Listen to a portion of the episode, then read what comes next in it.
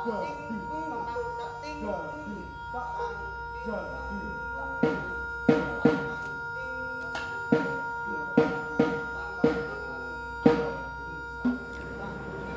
ini, seperti biasa, era setelah Corona,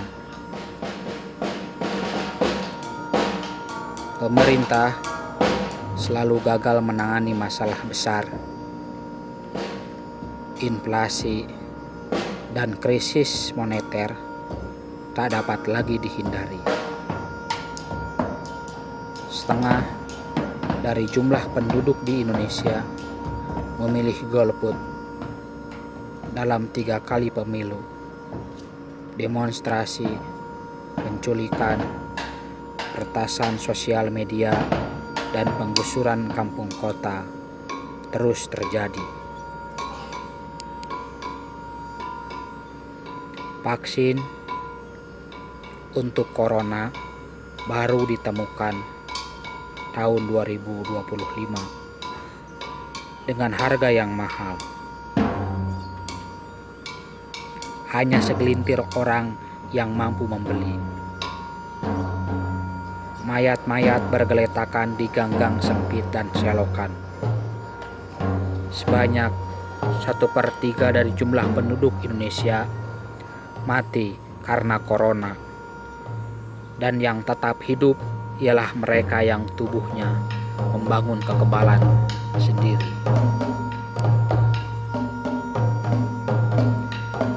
Gedung-gedung bekas mall dan pabrik yang bangkrut kemudian dibeli oleh para buruh dan warga miskin kota dengan cara patungan.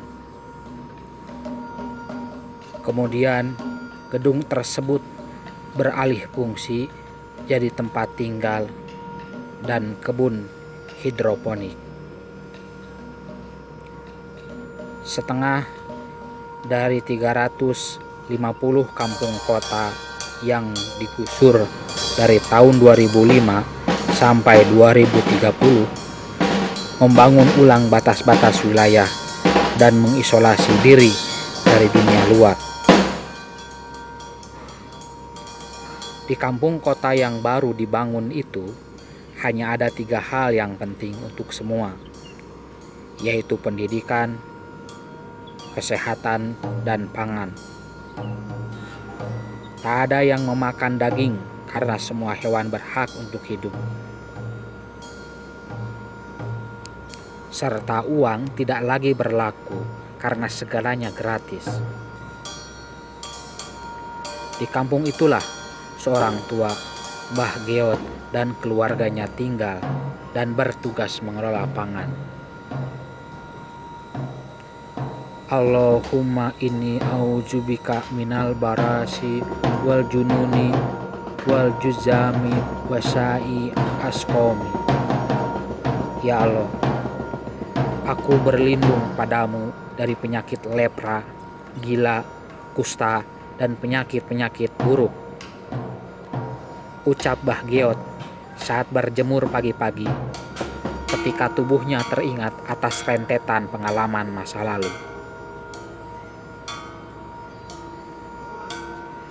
Tak ada lagi degup musik yang menghentak. Suara gelas beradu maupun gelak tawa dari meja-meja perjamuan. Beer House Triangle, tempat Bahgiot bekerja, mendadak sepi dan tutup tiba-tiba. Ketika wabah corona ada, hanya tinggal pegawai kebersihan dan keamanan yang masih bekerja di tempat tersebut, termasuk Bahgiot selebihnya dirumahkan. Selain beer house, semua tempat hiburan dan wisata yang ada di kota Bandung tutup, termasuk pusat perbelanjaan, kantor, dan pabrik.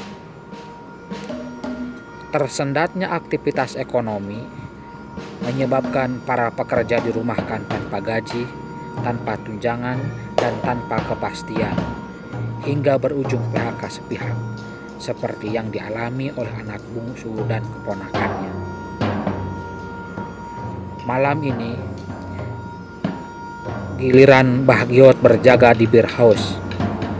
Ia pun mulai berkeliling, memeriksa satu-satu sudut ruang kafe. Ya, Aku harus siap. Esok atau lusa mungkin satpam juga dirumahkan. Lagian, aku tidaklah mungkin selamanya bekerja kepada orang lain. Apalagi sudah tua dan sakit-sakitan. Bisik Bahagiot sambil memijat kaki yang infeksi akibat terkena tusukan sate tiga minggu lalu. Buang semua sampah dan bersihkan rumah. Berolahraga, makan buah dan sayur, serta jangan lupa sholat dan berdoa biar sehat. Begitulah ayah dan ibunya Bahagiot berpesan ketika merebaknya wabah cikungunya di tahun 1970. Karena penyakit tersebut pula, Bahagiot remaja dirawat inap di rumah sakit Hasan Sadikin selama sepekan. Setiap Senin dan Kamis, semua warga di Taman Sari akan kerja bakti membersihkan kampung. Setiap hari Jumat siang, rumah-rumah akan disemprot asap agar bebas nyamuk. Dan setiap minggu pagi, warga akan botram dan olahraga bersama di lapangan. Wabah cikungunya sendiri pertama kali muncul di Afrika tahun 1960 lalu menyebar ke Eropa dan Asia hingga sampailah di Indonesia. Tahun 60-an di Taman Sari pernah merebak wabah cacar. Hampir semua orang di kampung tersebut terkena cacar, mulai dari usia balita hingga lansia. Saat merebaknya wabah cacar itulah Bahagiot baru saja lahir. Ayahnya bernama Sadikin baru saja dikukuhkan sebagai veteran revolusi oleh pemerintah Indonesia. Kampura majeng apa? Gening urang teh disebut warga ilegal.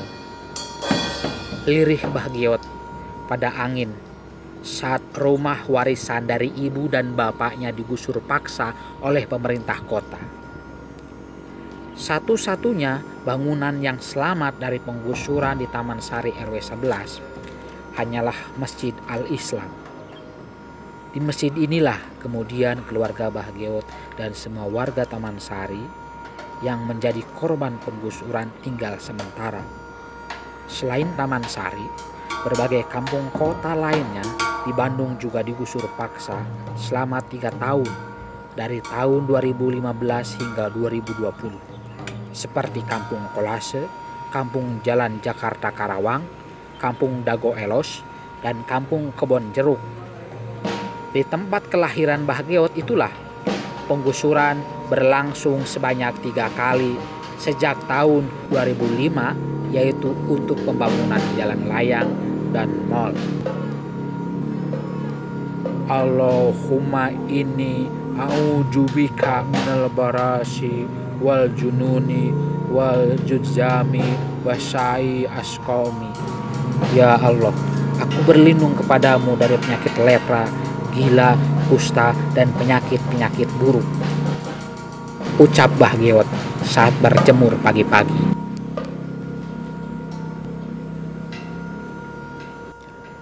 Hari ini, seperti biasa, era setelah corona.